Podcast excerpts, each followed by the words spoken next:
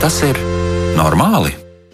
Esiet sveicināti, nu, kā katru svētdienas vakaru atkal mēs jautājam, vai tas ir normāli? Vai tas ir normāli, ka kāds cilvēks saka, ai, tam otram tāds raksturs, un ar to raksturu jau neko nevar izdarīt, un vēl ir tādi izteicieni, nu, vecu loku neizlieks, sevišķi, ja runa ir par eh, cilvēku, kurš jau ir gados, un arī, ja par bērniem, tad arī mēdz kādreiz tā teikt, nu, viņam ir tāds, tāds raksturs, nu, tāds nevaldāms. Šodien mēs gribam jautāt, kā tad ir ar raksturu, eh, kā saprast šo jēdzienu, kā saprast rakstura skaidrojumu un eh, arī noteikti Precizēsim to virzienu, kur esam šovakar izvēlējušies un kā mēs to darīsim. Bet uh, pirms vēl mēs sākam sarunu, tad uzreiz arī atgādināšu, ka studijā ar jums kopā ir Kristiāna Lapiņa, bet pie skaņu pūts ir Katrīna Bramberga. Un arī, protams, tas, ko es saku vienmēr, šis ir raidījums par mūsu dzīves kvalitāti, par psihisko veselību un arī ar psihisko veselību un tādu psihisko stabilitāti saistītiem jautājumiem. Un, ja jums ir kāda ideja, kāda atziņa vai ir kāds jautājums, tad noteikti izmantojiet izmantojiet iespēju un sūtiet uh, To, kas jums ir sakāms uz raidījuma elektronisko pasta adresi, vai tas ir normāli, at Latvijas radio.clv. Un arī varat darīt to vēl vienkāršāk, varat sūtīt ziņas Latvijas radio mājaslapā, atrodot raidījumu, vai tas ir normāli ziņojumu logu, un to jūs varat izdarīt, tad jūs atverat Latvijas radio viens mājaslapu ļoti, ļoti vienkārši. Un, um, jā, uzreiz arī iepazīstināšu ar raidījumu viešņu, un tā ir Ginta Ratniece, psihoterapijas speciālists, un ir svarīgi to pateikt, Junga analītiķa. Sveicināti! Labvakar, sveiciens visiem! Lūk, nu tad par to raksturu. Nu, tāds, nu, ir diezgan daudz dažādas definīcijas, bet šodien mēs noteikti arī. Sīkāk runāsim par uh, dažām lietām, bet vispār, nu, droši vien vairums cilvēku jau tā arī to raksturu saprot, ja, nu, ka tas ir kaut kas tāds, ko var tā atpazīt. Nu, piemēram, kāds ir tāds dikti spītīgs un ir spītīgs vairākas reizes, un mēs sakām, nu, tad raksturs cilvēkam. Jā, jo tā paradoxāla raksturs eh, savā ziņā pēc definīcijas ir tas, kas cilvēkam ir raksturīgi. Un, ko tas nozīmē? Tas nozīmē tādas eh, diezgan patstāvīgas un nemainīgas iezīmes, noturīgas cilvēka um, uzvedībā. Tā kā tāds noturīga paterni. Un ko tad raksturs nosaka? Es teiktu, ka gan to, kā cilvēks uztver pasauli, un citus cilvēkus un notikumus, kā viņš uztver sevi. Cik viņš ir kāds, ja mēs vienkārši runājam, labs, slikts vai uh, kāds ir. Ja? Nu, turā, tajā var būt arī daudz pašapmāna, protams. Ja? Un arī kā cilvēks veido šo miedarbību ar pasauli, ar citiem cilvēkiem. Praktiski to visu nosaka tas, ko mēs saucam par raksturu. Bet citiem vārdiem arī uh, tas ir tas pats, ko mēs sakām, cilvēkam ir personība. Ja, vai personības tipi, vai nu, ir dažāda veida tipoloģija, protams. Un tādu cilvēku nu, mēs saprotam, ka visi cilvēki ir dažādi. Un patiešām katrs cilvēks ir unikāls. Ja. Bet, nestoties uz to, tomēr tādās citi ir līdzīgāki, vieni ir līdzīgāki otriem, ja, un kādi citi savukārt pilnīgi skaidrs, ka viņi ir atšķirīgi. Tā kā principā tas ir tāds kategorizācijas jautājums. Ja, protams, bieži tā arī saka, cilvēks sadalīt kastītēs. Jā, kaut kādā nozīmē. Bet es vienmēr atgādinu sev un visiem un kolēģiem, uh, ka, protams, ko līdz mēs runājam par nu, tādu diagnostiski vai nosaucam kaut ko vārdā, vai cilvēkam runājam konkrēti raksturu, mēs, protams, kaut kādā ziņā uzreiz, kad mēs izmantojam kādu modeli, mēs vienkāršojam lietas. Ja? Protams. Un arī katra tā rakstura ietvaro, ietvarā ir ļoti liela dažādība. Un ir daudzi autori, kas to apraksta un raksta par to. Ja? Bet tomēr ir kaut kas, kas viņus apvieno. Un tāda cilvēku vēlme klasificēt, iedalīt kategorijas, ir, no aizseniem laikiem. Nu, kopš vispār ir rakstiskas liecības. Ja? Piemēram, nezinu, tur senajā Grieķijā iespējams to darīja arī pēc tam, kāds ir eh, vadošais. Vai žulci vadošā, vai tur asinis, vai kas tur, vai ūdens, jā, tur nu, dažādi veidi, vai tie paši temperamenti slavēnie. Jā. Ja? nervu sistēmas tips, ja, kad ir lēnīgāki, ir straujāki. Pēc dabas, vienkārši pēc fizioloģijas. Ja.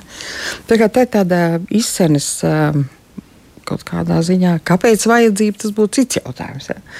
Nu, vai arī interesants jautājums, kāpēc to darīt vispār. Bet jā. Mm -hmm.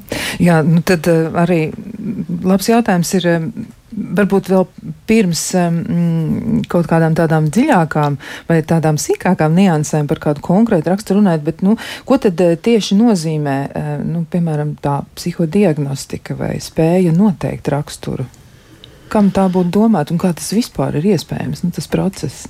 Jo droši vien arī tajos atšķirīgajos cilvēkos, pat ja viņiem ir tie ļoti atšķirīgie raksturi, mm -hmm. ja mēs viņus būtu salikuši tajās kastītēs, tur jau noteikti ir kaut kādas lietas, kas ir arī nedaudz līdzīgas. Jā. Jā.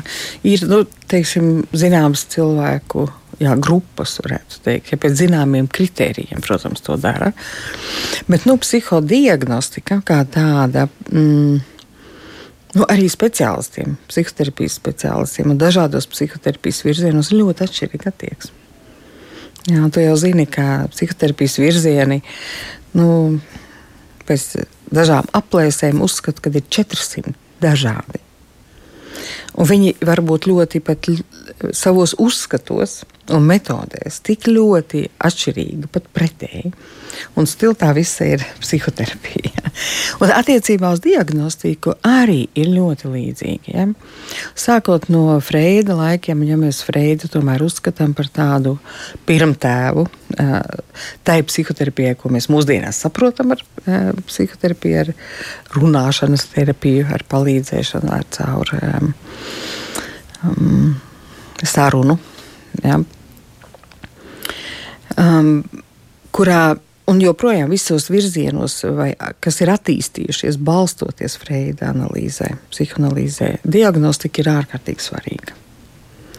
Jā, kaut kur, protams, Freids, mediķis un um, savā ziņā tā, tāda medicīniskāka tā domāšana ir. Ja? Un diagnostika, manuprāt, ir ļoti svarīga.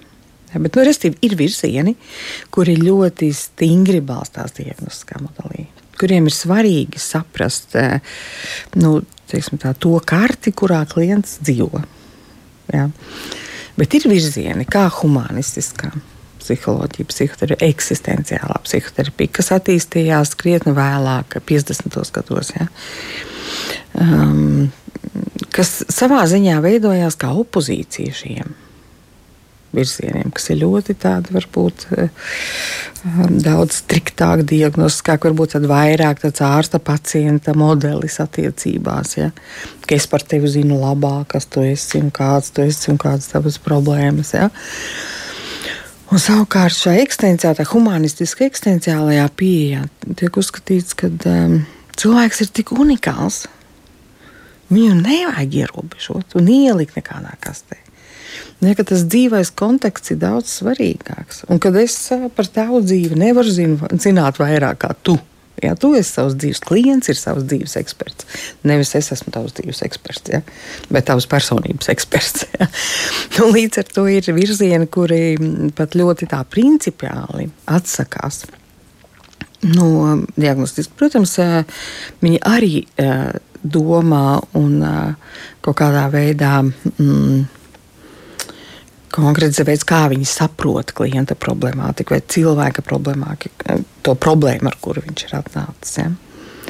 Nu, lūk, bet, tātad, ja mēs atgriežamies pie diagnostikas jautājuma, mm, es domāju, tā, cik, cik nopietni par to runāt.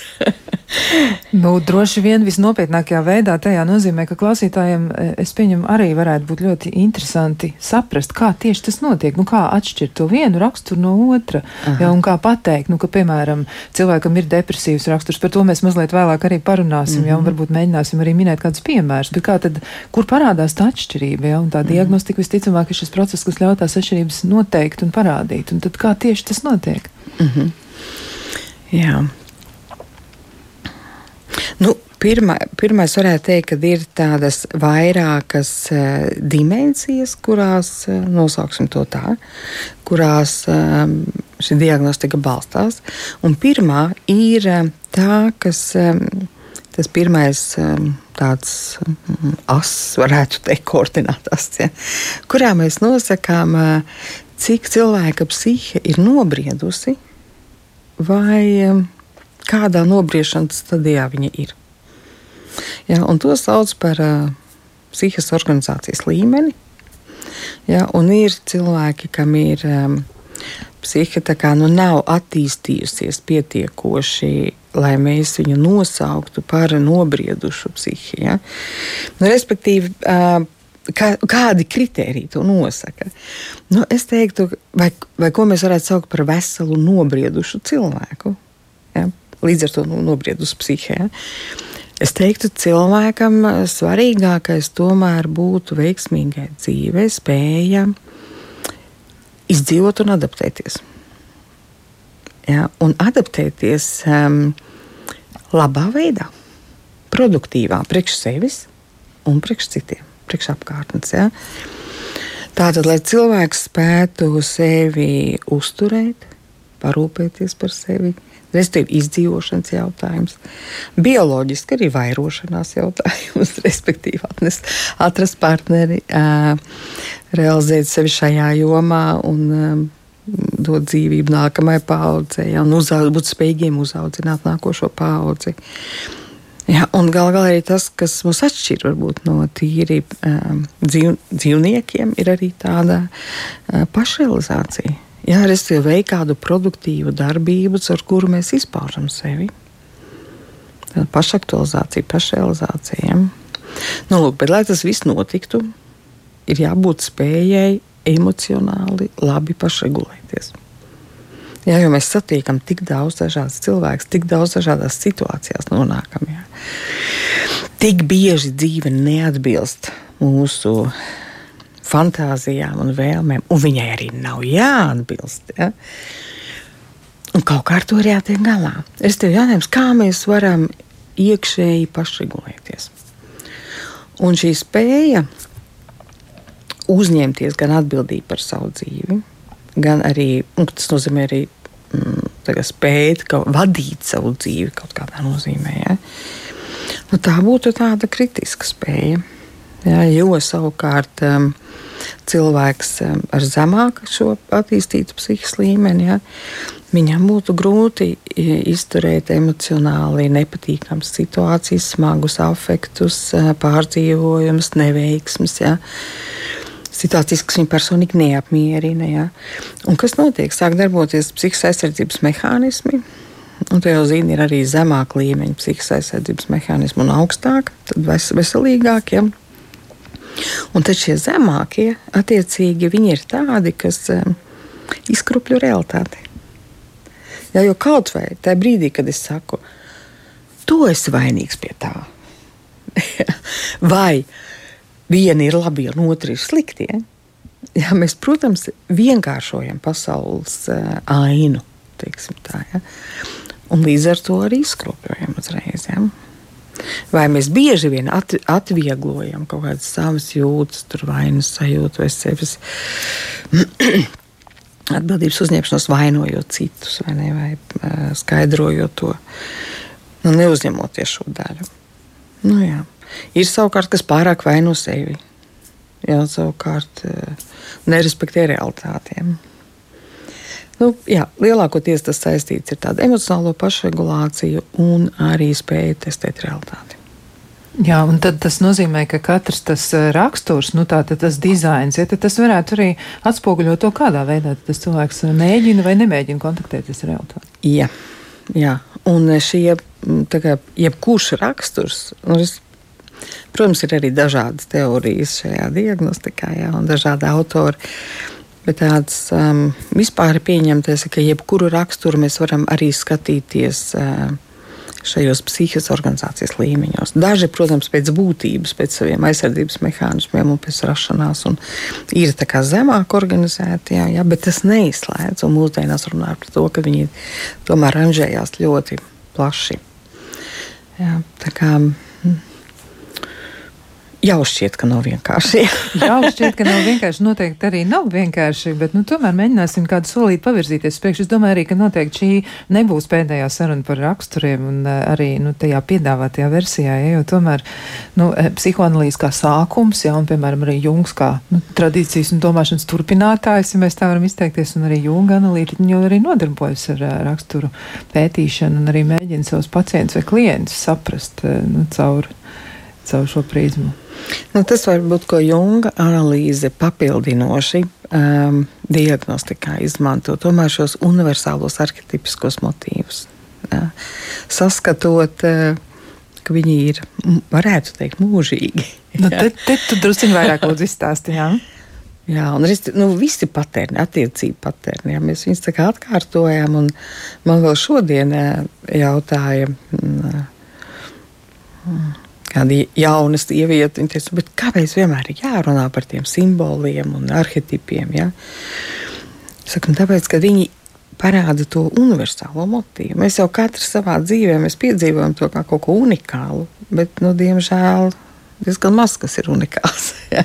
Unikāls ir veids, kā es viņu savā dzīvē piedzīvoju. Ja? Tas ir tas unikālais veids, bet tas pats patērns jau ir diezgan. Um, universāls. Un tas būtu arhitipisks, ja, tipisks. tipisks ja. Un līdz ar to man, manas pašas lielākie pārsteigumi bija tās tiešām, ah, kas man nebeidzās. Um, ir kā tautu pasakās, Eiropas tautas, ne, ne tikai, bet, nu, piemēram, brāļu grīmu pierakstītajās, uh, kas ir tautas pasakas. Ja. Nu, var ļoti labi redzēt. Viena psihoanalītiķa stratēģija, otra psihoanalītiķa stratēģija. cita. Var redzēt, nu, piemēram, narcismu ārstēšanā, ja, kur, kurās pasakās nav labas perspektīvas. Jā. Nu, man liekas, un pie tam viss tā ļoti emocionāli, metaforiski ļoti emocionāli.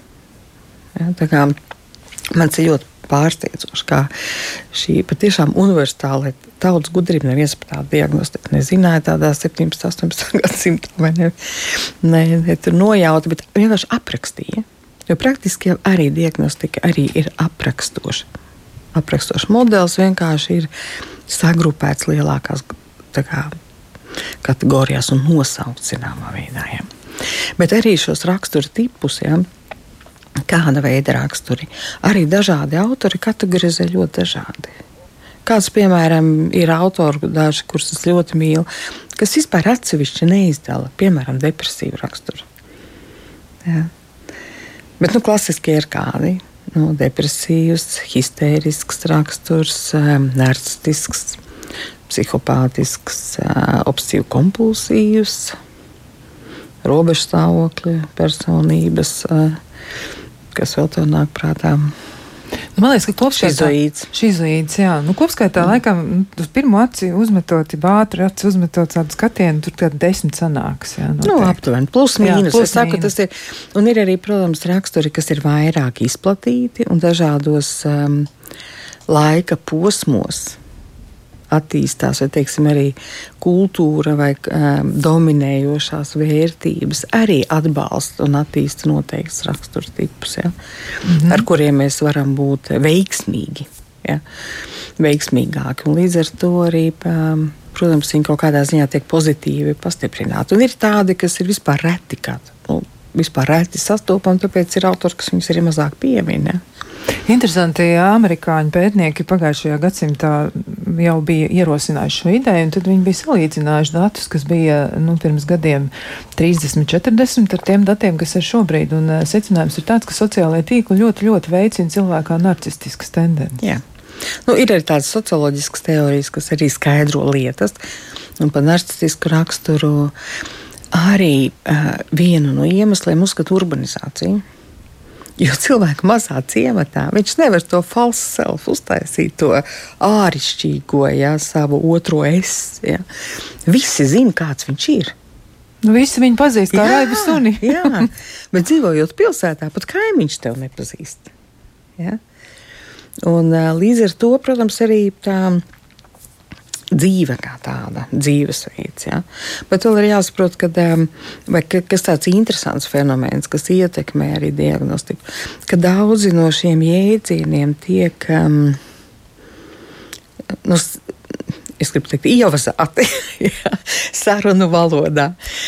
Līdz ar to viņi tiek vienkāršoti sākt uztverti, e, uztvert, un līdz ar to arī pie lielās diagnostikas e, sistēmas veidotāji un apdeitotāji ja, sāk izvairīties no kaut kāda jēdziena lietošanas. Ja. Uzskatot, ka viņš kaut kā jau, nu, ka šī jēdziena lietošana jau ir tā nonivelējusies vai iegūst tādu emocionālu nokrāsu, kas eh, nebūtu pieņemams. Ja. Jā. Jo jebkurā gadījumā daži, un arī dažus raksturus uzskata kā varbūt sliktākus vai kaut kādu. Nu, kaut gan praktiski nu, katram raksturam ir savi, vai cilvēkam katram ir savi plusi un mīnusi. Jā, arī katram šim raksturam ir savi plusi mīnusiem. Jā, klausītāji arī jautā, vai raksturu ietekmē cilvēku dzimšanas dati un vieta. Ja, un kā izskaidrot, ka vieniem un tiem pašiem cilvēkiem, un nu, vecākiem, tātad ir dažādi raksturu bērni, kas to nosaka. Cik tur daudz ir bioloģijas un cik tur daudz ir uh, vide? Ja mēs par tiem bērniem tagad pie tā otra jautājuma, varbūt mēs pēc tam varam atgriezties. Nu, manuprāt, um, es izdalītu laikam trīs svarīgākos tādus ietekmes. Um, um, avotus. Tomēr aizvien vairāk, domāju, ka fizioloģija ir ļoti noteicoša. Un tas ir kaut vai elementāri iedzimtais nervu sistēmas tips. Ja? Nu, viņš ļoti iesaka. Nu, ļoti nosaka. Ja? Principā tā ir tā jau gatavība zināmā veidā pielāgoties tai vidē vai apstākļiem. Ja? Nu, tā ir ģenētiskā kombinatorika. Ja? ar to piedzimst. Tā kā ir cilvēkam daba, ar kuru viņš piedzimst. Ja, tālāk, protams, ir vide. Priekš bērna vide ir vecāki. Nu, klasiski. Jā. Protams, Freida laikā tāda klasiskā psihoanalīze varbūt liek ļoti lielu uzsvaru uz šo. Ja, tas ir galvenais noteicošais. Tā pašā laikā, nu, es domāju, ka ļoti tā fizioloģija ir ļoti daudz ko nosaka. Ja. Bet trešais, vēl mēs nevaram eh, ignorēt arī reāls dzīves apstākļus. Ja, tā kā situācijas un uh, notikumus dzīves, kas arī diezgan kardināli reizēm var pamainīt. Ja, uz dažādām pusēm. Ja, tas tā kā ne tikai vidi, kurā bērns izaug, bet kopumā visam. Jā, nu, vecmāmiņa man arī teica, ka nu, kaut kas ir jādara, tad samaita tās rakstura. Zini, es reizēm izmantoju tādu metaforu, ka nu, tā kā sēkliņa, nu, katrā sēkliņā ir kaut kas iekodēts, vai ne? Nu, no bērna egla neizaugs. Hm, neizaugs. Ja. Bet jautājums, kādā augstnē viņi iekrīt? Ne, ja viņš purvainā vietā būs, tas bērns nekad neizaugs tur vai ēnā kādā, ja, vai kāda cita lielāka koka ēnā. Viņš nekad neizaugs par ļoti lielu, stipru un spēcīgu koku. Ja. Tā, tie, tā būtu tā vide vai tā ģimene. Bet nu, koks var būt liels, stiprs, un varbūt to ētri nākt. Un... Arī nolauž. Jā, jā. Varbūt tie mazie izdzīvos vai tieši otrādi. Nu, Tā kā mēs neesam tik spēcīgi, lai visi ietekmētu. Jā. jā, bet atgriežoties piemēram mm. pie šīs dzimšanas vietas, nu, droši vien man ir tāda hipotēze par to, ka tomēr tā kultūra, sociālā vide un arī klimats tā vai citādi, bet jā. tomēr ietekmē cilvēks. Jo ir taču starpība, vai mēs gaidām savu draugu mīnus 20 grādi, ir, jā, ir, vai, vai, vai mums ir plus 20. Vai cik mēs atslābināti to gaidām un cik precīzi nav jāierodās. Jā, jā, jā protams. Jā protams, tādi, es teiktu, kultūra vispār kopējais šis lauks. Tas arī būtu pie tādas paplašinātas vidas. Ja? Jo tomēr arī vecāki jau audzinot bērnu. Nu, tas galvenais uzdevums, jau tas virs uzdevums, ko vecāki cenšas izdarīt, ir socializēt bērnu, padarīt viņu adaptīvu, cik no tas vecāku, cik no vecāka apzināti tam pieiet un cik no viņi to var izdarīt. Bet tomēr lai viņš varētu veiksmīgāk dzīvot tajā vidē. Un, protams, um, vai viņi var iemācīt kaut ko vairāk. Parasti jau tā arī tās likumsakarības ir kādas. Ja, nu, piemēram, ja vecāki ir ar zemāku psihiskās organizācijas līmeņu, viņi jau nevar iemācīt bērnam labāku emocionālo pašregulāciju nekā ir viņiem. Nu, viņi nevar aizvest viņu tālāk. Jā. Protams, psihē ļoti kompensējoša, un tam bērnam var atrasties, piemēram, tur krustvecāku skolotāja vai kaut kas, kas viņam palīdz. Kā, vai viņam arī, piemēram, var būt arī tāda, tā, mm, tāds temperaments, ja, ka viņš uh, būs tik aktīvs un proaktīvs savu problēmu risināšanā, ja, ka viņš kaut kādās jomās varēs arī attīstīties labāk. Ja. Bet, nu jā, bet par datumiem runājot, protams, astroloģija ir tāds uh, maģisks, un es nenoliedzu astroloģiju nemaz. Ja, bet uh, arī savā ziņā tas ir kaut kāds konteksts, kurā bērns piedzimst. Ja, kas kaut kādā veidā ietekmē, bet, nu, diemžēl, tie spēki ir domāju, tādi, kurus mums racionāli grūti aptvert. Mēs varam vai pieņemt vai nepieņemt, ka tas tā ir. Jā, nu skaidrojumi, protams, ir daudz un dažādi cilvēki, jo izsmeļs ir nodarbojusies Jā. ar to un mēģinājusi saprast, kā tad ar to cilvēku ir. Jā, nu mums ir vēl daudz kas jautājums, bet to mēs darīsim pēc īsa brīža.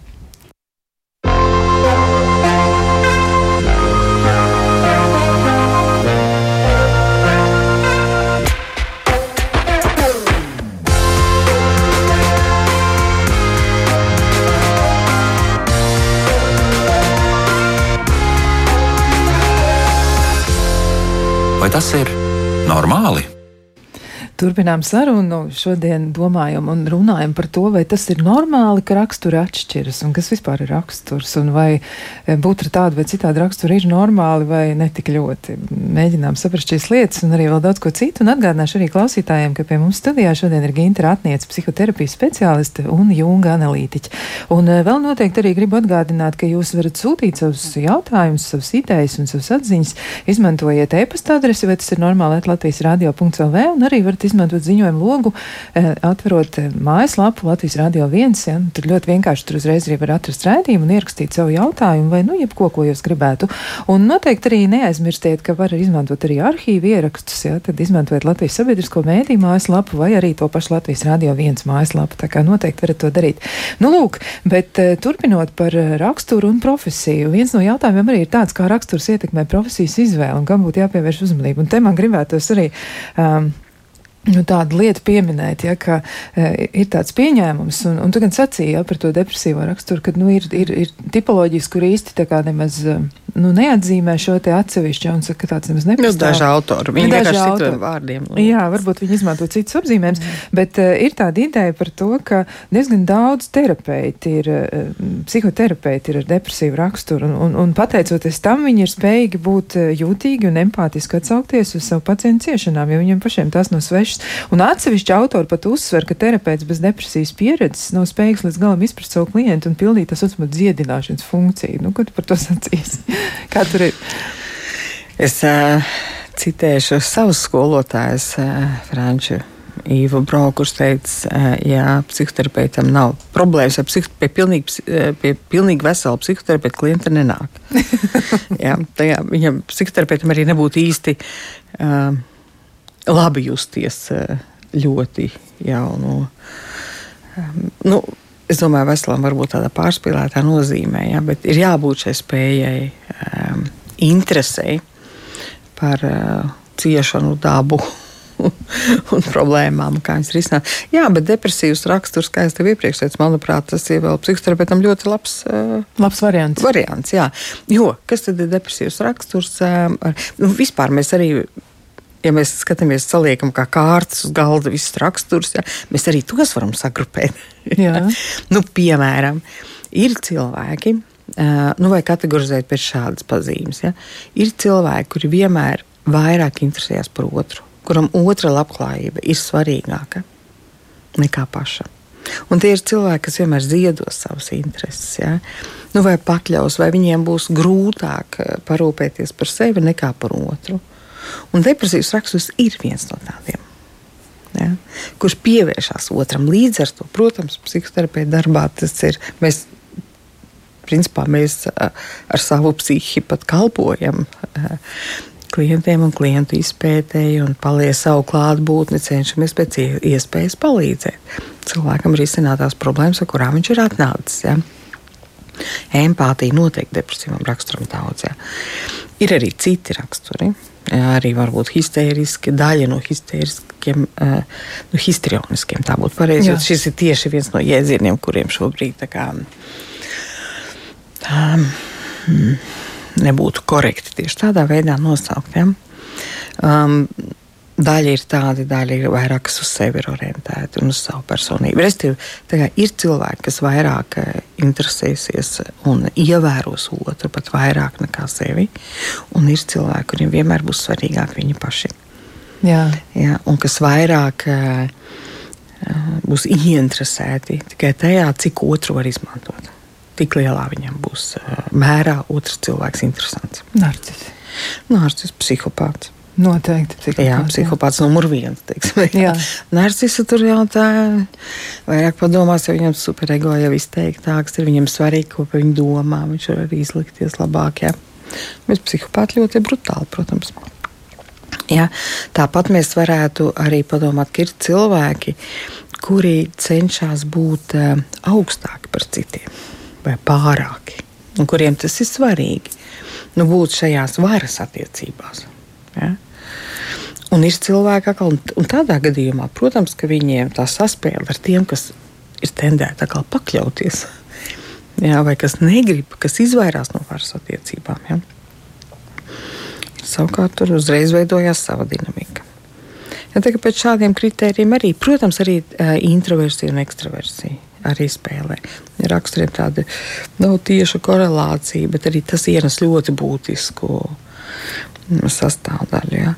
Jo tas būtu atkal tādā nozīmē, vai cilvēkam tas mm, būtiskāka interese ir par ārējo pasauli, tā skaitā par citiem cilvēkiem, notikumiem, ja? vai viņa intrapsihiskā pasaule. Jā, un šis izolīdam noteikti ir viņa intrapsihiskā pasaule. Ja? Un, um, šizoīdam, jā, un intro, kā introvertam. Jā, jā, jā tieši tā. nu, lūk, ļoti bagāta iekšējā pasaule ir, jā, un, un, kurš vairāk kā, uztver kā apdraudošu to ārējo pasauli pat varbūt, jā. Tā kā ļoti dažādi ir šie paterni. Un, um, Bet visticamāk, tas ietekmēs profesijas izvēli. Jā, noteikti. noteikti. Pilnīgi noteikti. Jā. Jā. Jo jautājums ir par motivāciju, man liekas, profesijas izvēlē. Jā, un ir, ir kur varbūt uh, to nevienmēr var novēr, novērot, bet ir kur man liekas ļoti skaidrs redzams, ja kur noteikts profesijas saistās ar noteiktām pozīcijām, nu, piemēram, tāpat jurista pro, profesija. Vai, Ja, tur skaidrs, ka tās vienmēr būs kaut kādas nu, varas attiecības, kaut kādas taisnīguma lietas. Jā, un, un, Jā, nu var arī būt ļoti, ļoti tāds pārticis cilvēks un arī daudz sasniedzis un nopirkt vienu sociālo tīklu un uzreiz ieviest korekcijas. Jā, Jā un tur arī mēs atpazīstam raksturu. Tiešām viņš uzreiz tā skaidri iezīmēs. Nu, ir arī jautājums eh, par to, vai ir pētīts, kā ir ar identiskajiem dviņiem, ja identiskie, tā saucamie monozigotiskie dviņi. Ja, tad kā ir ar dviņu raksturiem ārēji? Liekas, ka tādi neatšķirami, ja, nu ļoti, ļoti līdzīgi, mm -hmm. tiešām ļoti līdzīgi bērni, viena dzimuma, eh, bet raksturi ir dažādi. Ja. Nu, klausītājiem tad ir tāda mhm. pieredze. Un, Tā ir. Jā. Man liekas, arī bija iepriekš jautājums par to, par, viena, par bērniem, par bērnu, to, ka bērni ir atšķirīgi vieniem vecākiem. Jā, jā tieši tā. Bet, protams, es pārgāju to fizioloģiju, protams, ka tā katram bija arī tā nervu sistēma var būt dažādāk, bet arī nu, vecāki ir dažādāk. Otrs bērns jau piedzimst sistēmā, kurā ir otrs bērns. Un tas ar daudz ko uzreiz nosaka. Ja? Jo, Man liekas, tā kā sava dinamika starp siblingiem ir. Jā, un, un tas ļoti ietekmē. Tā, tas pieder pie tās vidas. Jā. Un arī es domāju, dviņiem ir nu, vispār brāļiem un māsām šis sadarbības un konkurences jautājums. Man liekas, viņi to trenē ļoti rūpīgi šajā attiecībās. Tur jau redzams, kur ir. Man liekas, dažkārt no agras bērnības var redzēt tie, kur ir, kuriem ir tendence dominēt ja, kur ir vairāk sadarbīgāki, ja, un ka šīs sadarbības un miera labā ir gatavi pakļauties un, un kaut ko ziedot un atteikties. Jā, jā bet par attiecībām runājot, tur ir arī tāds, eh, nu, tāds apzīmējums tam, ka kaut kas īstenībā tā kā vajag, un to sauc par raksturu nesadarību. Man šķiet, ka tas ir arī nu, pirms kāda laika ļoti bieži izmantots arguments, ja, ka mēs nevaram būt kopā, tāpēc mums ir nesadarīga rakstura. Nu, kā tur ir ar to, arī ar to kopdzīves veidošanu cilvēkiem vai attiecību konstruēšanu? Jo sākotnēji jau reizēm ļoti palīdz tā instinktīvā daļa. Mēs iemīlamies, mm. un iespējams, ka šis cilvēks, lai cik tas izklausītos traki, viņš mums ir nepiemērots ja, kaut kādā nozīmē. Vai mēs viņam? Nu, tas ir diezgan paradoxāli, manuprāt, jo mm, jautājums, kā, kā, pēc kādiem principiem mēs vispār izvēlamies partneri. Viens, viena, protams, daļa atbildes būtu balstīta uz tādu racionālu pieeju, ja? bet skaidrs, ka šī izvēle ir totāli iracionāla. Ja? Apzināti mēs eh, neizvēlamies, bet mūsu bezapziņa kaut ko izvēlās. Un izvēlās kaut ko, ko tai ir nepieciešams. Un visbiežāk, manuprāt, tomēr pāru attiecības balstās uz pretējo. Pretējais mums pievelk, ne jau līdzīgais. Vai ne? Cik es tas spogulī skatīšos tur? Ja? Nu, jā. jā. Un tieši pretpolos ir tā, attiecībās starp pretpoliem ir tā enerģija. Ja? Un tad, nu, redz, ja mēs tā paplašinām, tad arī šie pretpoli ja, var sadarboties, var ļoti labi viens otru papildināt un kompensēt, bet vienā brīdī var arī ļoti konfrontēties. Jā. Jā, kā, es teiktu, ka mūsu partneri, dzīves partneri mums ir parasti vislabākās zāles un stimuls mūsu attīstībai. Dažkārt ļoti rūktas dāvāts. Ja? Tieši tāds, ka tas ir tā kā, kas palīdz attīstīt mūsu psihiku. Viņš vienmēr konfrontē mūs ar to atšķirīgo. Ja? Jā, to ir ļoti grūti pieņemt cilvēkiem. Manuprāt, nu, tāda tēze par to, ka jebkuras attiecības mums attīstīja, viņas ļauj mums kaut ko saprast par sevi. Un pat ja tūlītēji liekas, ka tur ir nu, viss ir traki, viss ir slikti. Un, ir... un reiz atkal, kas ir tie arī raksturu paterni? Jo, protams, ir tādi raksturi, kuriem vispār ir ļoti grūti ar sadarbību. Jā, nu, piemēram, narcistiskam raksturam. Jā. Nu, ir cilvēki vispār, kuriem ne, ne tikai narcistiskam. Jā bet kuriem ir grūti sadarboties ar citiem cilvēkiem. Ja? Un pāri attiecībās ir jautājums, kā mēs risinām konfliktus. Man liekas, ļoti būtisks jautājums. Ja? jo konflikti ir neizbēgami, tā bērns attiecībās un konflikti. Um, raksturs lielā mērā ietekmē. Ja, un, ja kādam kā depresīvam raksturam ir tendence vainot sevi primāri, ja, tad dažkārt otram tikai to tik vajag. Ja. Jā, ja tāda cilvēka satiekas, tas patiesībā ir arī diezgan liels izaicinājums. Tomēr. Bet dažkārt tādi pāri arī spēj dzīvot ilgi. Ja? Tieši dēļ tā, ka tur tās pretējās lietas. Jā, Jā nu vēl jautājums arī no klausītājiem, vai cilvēks savu raksturu var ietekmēt pats? Nu, ir jau tiešām arī tie izteicieni, ar kuriem ir diezgan mm. grūti veidot tādas eh, iekšējas attiecības. Ja, ka, nu, vajag norūdīt raksturu. Diez ko tas nozīmē. Es nekad neesmu varējis saprast, kas tas īsti ir. Nu, jautājums. Es paņemšu plašāk. Jautājums ir par to, vai raksturs dzīves laikā mainās. Jā, tieši tā. Jā, nu, speciālisti teiktu, sākot ar Freidu, ka nē, tā pamatstruktūra nemainās. Jā, jautājums, ko tu psihoterapeiti dara vispār? jā, kāpēc, kāpēc cilvēki pie viņiem iet jā, pie mums? Jā, jā. jā. Un kāpēc mēs paši tā izvēlamies šo darbu? Jā, bet nu, būtiskas izmaiņas ir iespējamas. Nu, Freids teica, ka raksturs izveidojas, nu, vispār teiksim, tā kopumā speciālisti vienojušies, ka raksturs izveidojas apmēram līdz seši gadi, tā pamatstruktūra. Un tālāk, protams, pusauģi gados, un viņa tā kā. Mm, Pieprecizējās, vai tieši otrādi, jā. jā, vai tieši otrādi, vai tā kļūst elastīgāka, vai nē, nu tas atkarībā no tām situācijām. Protams, arī dzīves laikā ļoti mēs attīstāmies. Bet tā pamats, tā, tas pamats funkcijas, nu, varētu teikt, ka nemainās. Freids teica, raksturs tas ir liktenis. Nu, Jā. Bet, protams, tas, ko psihoterapijas rezultātā, bet ne tikai arī dzīves, gudras dzīves rezultātā un tādas pareizas attieksmes rezultātā. Mēs, protams, varam um, veidot adaptīvākas aizsardzības, mēs varam adaptīvākus veidus veidot. Un, protams, dzīves laikā, es domāju, arī dzīves rezultātā vidusmūža krīze jau tomēr ienes ļoti būtiskas izmaiņas. Nu, Jungs daudz runājis par to, kā ēna. jā, parādās un pieprasa savu vietu vidusmūžā. Un tas noz ko nozīmē ēns? nozīmē tās lietas, kas man tādas nav bijušas raksturīgas līdz šim, ko es neesmu pazinis, neesmu atzinis sevī. Viņas pēkšņi sāk parādīties. Ja, un savā ziņā, redz, Junga prātā, viss mūsu dzīves gājums mūs veda šo pilnību. Ja mūsu dzīves pirmā pusē attīstās kāds viens funkcijas, ka mēs tomēr dzīve konfrontē visu laiku. Vai mūsu patības laiku konfrontē arī ar šo pretējo atšķirīgo, kas ir ēna, kas ir mūsu ēnā. Ja? Tādējādi mūs virzot uz šo integrāciju un tādu pilnību, un arī caur šo partneru izvēli. Arī, ja? Tā kā, bet, protams, ja cilvēks apzināti pievērš uzmanību, un ja viņš var noformulēt kaut kādus patērnus, kā traucējošus savā dzīvē, ja? es patiešām ticu, ka viņus var izmainīt. Ja? Un, uh, Un pirmais solis uz jebkādām izmaiņām ir tieši pateikt, ka man šī ir problēma, kas man traucē un ko es gribu izmainīt. Protams, ka tas ar to vien nepietiek bieži vien. Tas arī ir jādara. Ir zinām, gribas piepūli jāpieliek, ja? un, bet var izmainīt. Ja?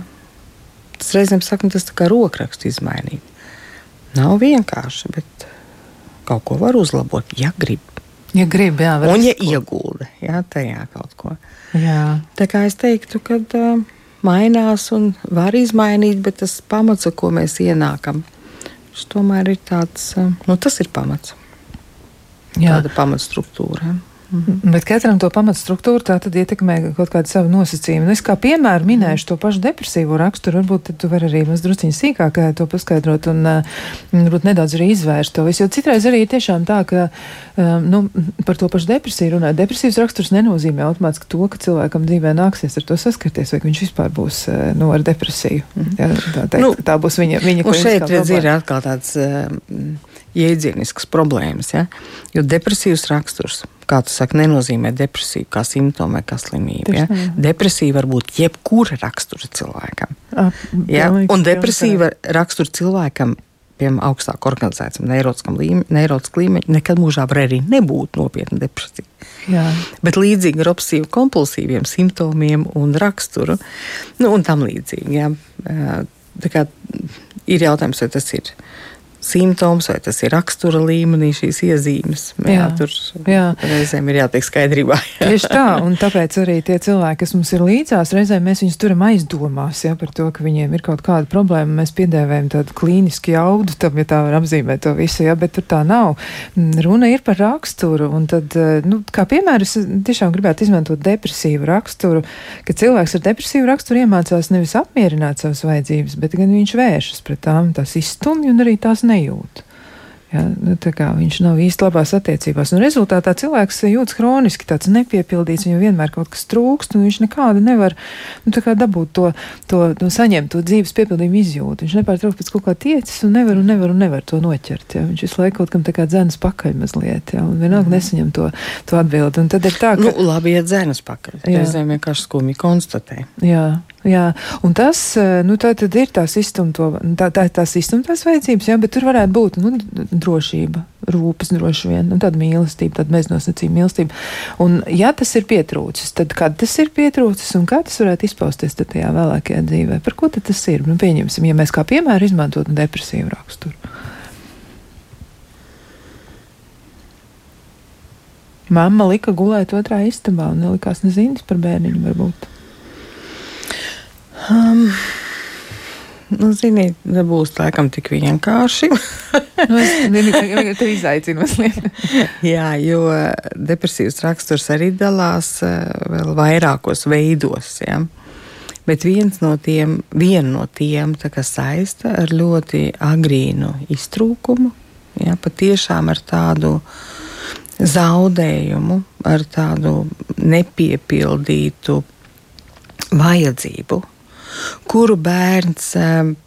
Un lai viņš pavisam nezaudētu šo cerību, saņemt no mīlestības objekta, no māmas kaut ko, ja, tad viņš arī skaļi nepieprasa.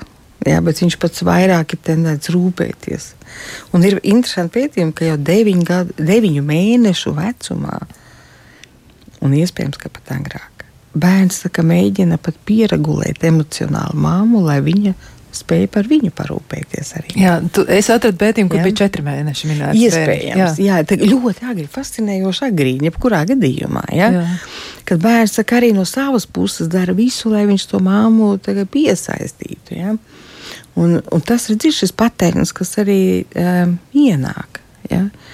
Un arī depresīvam raksturam tomēr ir attīstās ļoti šis um, iekšējais, nu, šis superego, šis sociāls, kā pareizi, kā man jādara.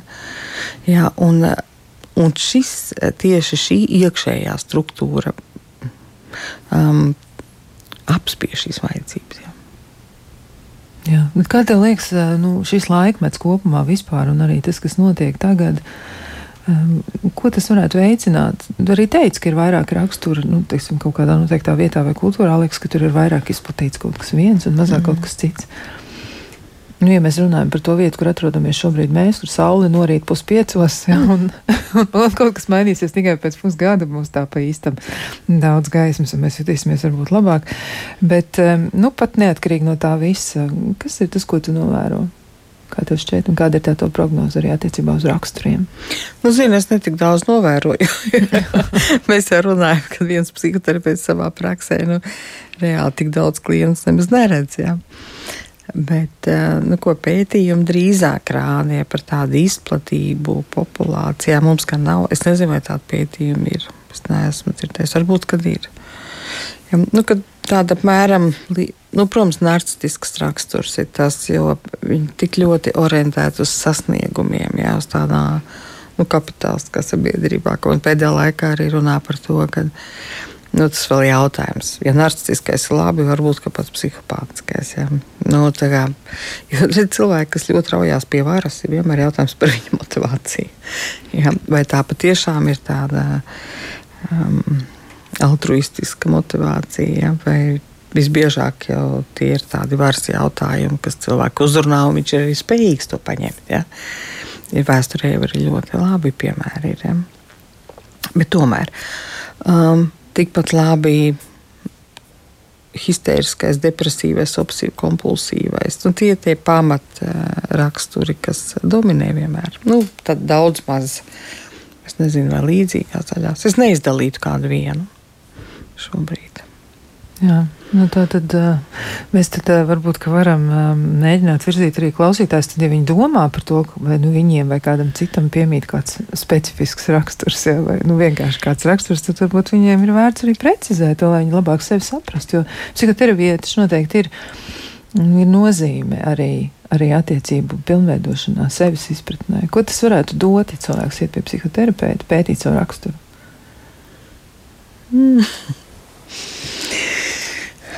pētīt sevi, varbūt teiksim. Jā, jā, jā, jā. Nu, manuprāt, ja cilvēks tā adekvātāk sevi redz, saprot un redz, jā, nu, mēs arī varam kā, apzinātiāk pieiet šīm izmaiņām. Ja? Un arī, piemēram, nu, kas ir pēc definīcijas autentisks cilvēks? Tas, kurš pieņem sevi, ieskaitot savu raksturu, temperamentu, savas vājās puses, stiprās puses. Ja, un tad mēs reizēm viens ir tas, kas man ir raksturīgs. Ja, bet ja es vēl sevi nosodu par to, ja, vai vainoju sevi, vai kādu citu nosodu, ja, tas arī neļauj izmantot to potenciālu, kas man ir. Jo katram raksturam ir, katram, cilvē, katram cilvēkam ir kāds raksturs. Jā. Jā, tādā lielākā vai mazākā mērā izteikts. Ir arī tāda komorbīda rakstura, kas tādi nu, daži, nu, tā apvienojumi šķiet no dažiem. Ir cilvēkam ļoti izteikts kāds viens, ja, bet ir dažādas iezīmes. Es arī esmu ievērojis, nu, jo tu jautā par manu praksi, ka cilvēki bieži vien spēlējās abu vecāku raksturu.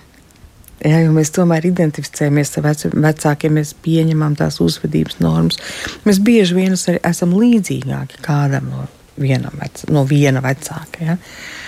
Vai iespējams vecākiem vai kādam dzimtājam. Man liekas, ka būtiskāk ir tā pieņemšana, akceptēšana. Ja? Ieraudzīt sevi beidzot. Ieraudzīt, akceptēt, jā. Un, un, un tad es arī varbūt labāk redzu, kas ir tās uh, vājās vietas, ko es gribu. Vai mazāk adaptīvās, teiksim, tā, jā, kuras es varu attīstīt. Jā. Nu, rekā, nu tā tad tomēr raksturs būtu vērts pētīt, būtu vērts pētīt sevi. Ja? Man liekas, ļoti jauki noformulēt, un būtu vērts pētīt sevi. Man liekas, cilvēki to dara, un ir daudz dažādu modeļu. Tas nav obligāti raksturs tomēr, un um, ir vairāk, man liekas, tā profesionālajā valodā, bet ir jau tāpat enneagramma. Ir tik daudz dažādas sistēmas, ko cilvēki piedāvā, ja? nu, ko, kur mēs varam kas palīdz mums sevi izvērtēt, sevi un citus. Un, zin, kā reizēm patiešām jautā, nu, kāpēc to vajag vispār? Man ir, mana atbilde ir šī brīža, um, kad ir svarīgi to saprast, lai mēs saprastu, cik cilvēki ir atšķirīgi. Cilvēki patiešām ir atšķirīgi, jo mēs automātiski projicējam savu dabu un uztveres veidu uz citiem. Un kā tas visbiežāk izpaužas? Kā viņš tā varēja darīt? Jā. Tas ir loģiski, ka viņš tā varēja darīt, jo viņš ir savādāks, viņš ir cits. ja? Tas tu varbūt viņa vietā tā nedarītu. Ja? Jo šis ir ļoti um, neproduktīvi. Kaut vai, o, viņš tā varēja darīt. Mm. Pasties, arī tā var darīt. nu, lūk, tāpēc mums ir automātiska tendence. Uh, projicēt uz citiem un mēģināt citus saprast caur sevi. Kā, izmantojot to savu uh, patērnu, ja? uztveres patērnu, bet um, mēs to nevaram izdarīt, ja mums ir pilnīgi otrs, ir savādāks. Tā liekas pats svarīgākā doma. Šodien mēs tiešām tikai tādu pussoli spērām rakstura pētīšanas virzienā. Mēs noteikti šo sarunu varētu turpināt. Es labprāt eh, uzaicināšu tevi vēl kādu -hmm. reizi studijā. Man liekas, tas ir ļoti, ļoti interesants temats, un tad arī var mēģināt vairāk izpētīt vēl kaut ko specifiskāku. Bet eh, šai mirklī saku paldies, un arī klausītājiem atgādināšu, kā mēs saku paldies. Pirmkārt, jau pašiem klausītājiem tiešām es zinu, ka jūs tur kaut kur esat, un uh, man ir liels prieks un pagodinājums, ka jūs klausāties rēdījumu. Un savukārt vēl viens paldies ir Gintai Ratniecei, psihoterapijas speciālistei un jūga analītiķei. Vēl, protams, jāsaka paldies arī Katrīnai Brambergai, jo viņa rūpējās par skaņu, un pati sevi varu paslavēt. Biju ar jums un būšu arī vēl pēc nedēļas, lai jums ir nākamā, nu tāda laba nedēļa un izdodas daudz jaukas lietas. Atā!